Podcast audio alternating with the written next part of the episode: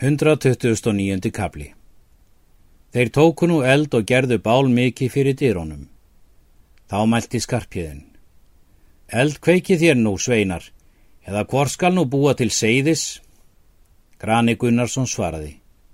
Svo skal það vera og skalt þú eigi þurfa heitar að baka. Skarpjöðin mælti. Því launar þú mér sem þú ert maður til, er ég hemdi föður þíns og virðir það meira er þér er óskildara. Þá báru konur síru í eldin og slögtu niður fyrir þeim. Sumar báru vatnið að hland. Kólur Þorsteinsson mælti til flosa. Ráð kemur mér í hug. Ég hef séð loft í skálanum á þvertrjám og skulum við þar innbera eldin og kveikja við arvasátu þá, er hér stendur fyrir ofan húsið. Síðan tóku þeir arvasátuna og báru þar inn eldin.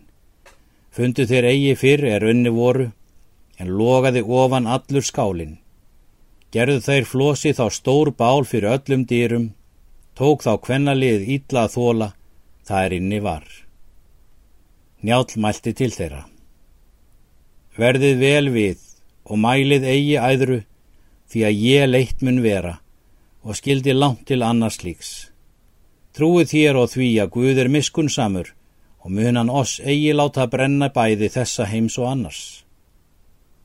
Slíkar fortölur hafði hann fyrir þeim og aðra hröslegri. Nú taka öll húsin að loga. Þá gekk njál til dýr og mælti. Hvort er Flósi svo nær að hann megi heyra mál mitt? Flósi hvaðst heyra mega. Njál mælti. Vilt þú nokkuð taka sættum við sónum mína eða leifa nokkur um önnum útgöngu? Flósi svarar. Egi vil ég taka sættum við sónu þína og skal nú yfir lúka með oss og eigi frá ganga fyrir þeir eru allir dauðir. En lofa vil ég útgöngu konum og börnum og húskörlum. Njál gekk þá inn og mælti við fólkið. Útskulu þeir nú allir ganga er leift er og gakk þú út Þórhalla áskrimstóttir og allur líður með þér, sá er lofað er. Þórhalla mælti. Annar verður nú skilnaður okkar helga en ég ætlaði um hríð en þó skal ég ekja föður minn og bræður, að þeir hefni þessa mann skada er hér er ger. Njálmælti, vel mun þér fara, því að þú ert góð kona. Síðan gekk hún út og margt lið með henni. Ástríður af djúpárbakka mælti við Helga Njálsson. Gakk þú út með mér og mun ég kasta yfir því kvenskikju og falda þig með höfudúki. Hann taldist undan fyrst en þó gerði hann þetta fyrir bæn þeirra. Ástríður vafði höfuðdúkjað höfði helga, en Þórhildur kona skarpjens lagði yfir hans skikkjuna og gekk hann út á meðal þeirra. Og þá gekk út Þorgerður njálstóttir og Helga sýstir hennar og margt annað fólk. En er Helgi kom út á mælti flosi. Svo er há konu og mikilum herðar, er þarfer, taki og haldi henni. En er Helgi heyrði þetta, kastaði hann skikkjunni, hann hafði haft sverð brugðið undir hendi sér og hjó til manns og kom í skjöldin og af sporðin og fótinn af manninum. Þá kom flosi að og hjó á hálsin Helga svo að þegar tók af höfuðið. Flosi gekk þá að dýrum og mælti að njálskildi ganga til máls við hann og svo bergþóra. Þau gerðu svo. Flosi mælti. Útgöngu vil ég bjóða þér njál bóndi, því að þú brennur ómaklegur inni. Njál mælti.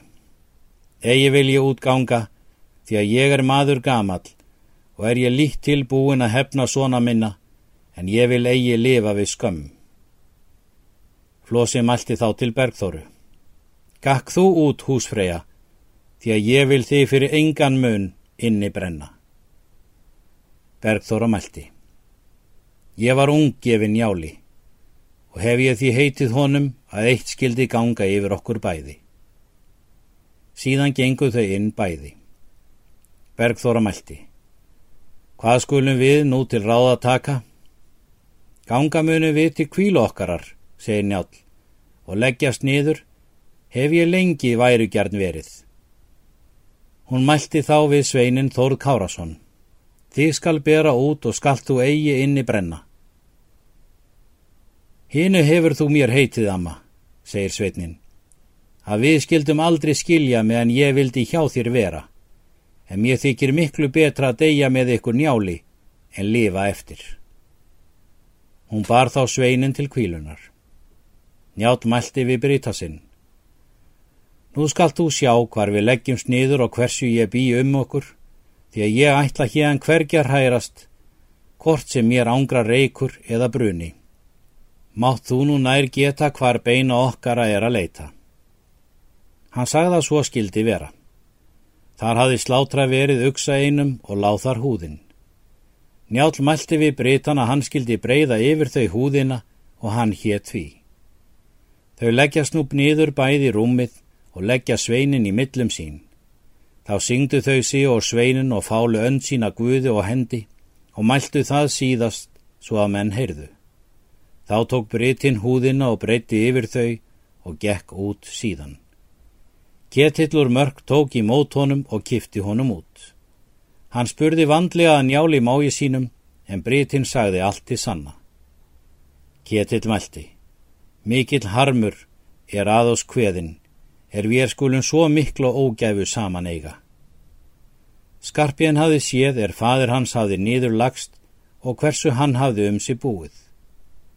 Hann mælti þá. Snemma fyrir fadir voru í rekju og er það sem von er, hann er maður gamall. Þá tóku þeir skarpjön og kári og grímur brandana jafn skjótt sem ofan duttu og skutu út á þá og gekk því um hríð. Þá skutu þeir spjótum inn á þeim en þeir tóku öll og loft og sendu út aftur. Flósi bað þá hætt að skjóta því osmun öll vopnaskipti þungt ganga við þá. Megið þér nú vel býða þess, er eldurinn vinnur þá. Þeir gera nú svo. Þá fjallu ofan stór viðirnir úr ræfrinu, skarpjaði mælti þá. Nú mun fadur minn döður vera og hefur korki heirt til hans stíinn í hósta. Þeir gengu þá í skála endan. Þar var fallið ofan þvertrið og var brunnuð mjög í miðju. Kári mælti til skarpjens. Hlaup þú hér út og mun ég beina að með þér, en ég mun hlaupa þegar eftir og munu við þá báðir í braut komast ef við breytum svo því að hinga leggur allan reikin. Skarpjön mælti. Þú skal hlaupa fyrri, en ég mun þegar á hæla þér. Ekki er það ráð, segir Kári, því að ég má vel komast annar staðar út, þó að hér gangi eigi. Egi vil ég það, segir Skarpjön. Hlaup þú út fyrri, en ég mun þegar eftir. Kári mælti. Það er hverju manni bóðið að leita sér lífsmiðan kostur er og skal ég og svo gera. En þó mun nú sá skilnaðar með okkur verða að við munum aldrei sjást síðan því að ef ég hleyp út úr eldinum þá mun ég eigi hafa skap til að hlaupa inn aftur í eldin til þín og mun þá sína leið fara hvor okkar. Það hlægir mig, segir Skarpjén ef þú kemst í brautmáur, að þú munt hefna vor. Þá tók Kári einn setstokk logandi í hönd sér og hleypur út eftir þvertrinu. Slöngver hann þá stokkinum út af þekjunni og fjallan ofan af þeim er úti voru fyrir. Þeir hljópu þá undan. Þá loguðu klæðin öll á Kára og svo hárið. Hann steipir sér þá út af þekjunni og stiklar svo með reikinum. Þá mælti einn maður er þar var næstur. Hvort hljóp þar maður út af þekjunni? Fjarrri fór það, sagði annar, og kastaði skarpjén þar eldistokki að oss. Síðan grunuð þeir það ekki. Kári hljóp til þess er hann kom að lækeinum og kastaði sér í ofan og slögt á sér eldin. Þaðan hljóp hann með reikinum í gróf nokkura og kvildi sig og er það síðan kölluð Kára gróf.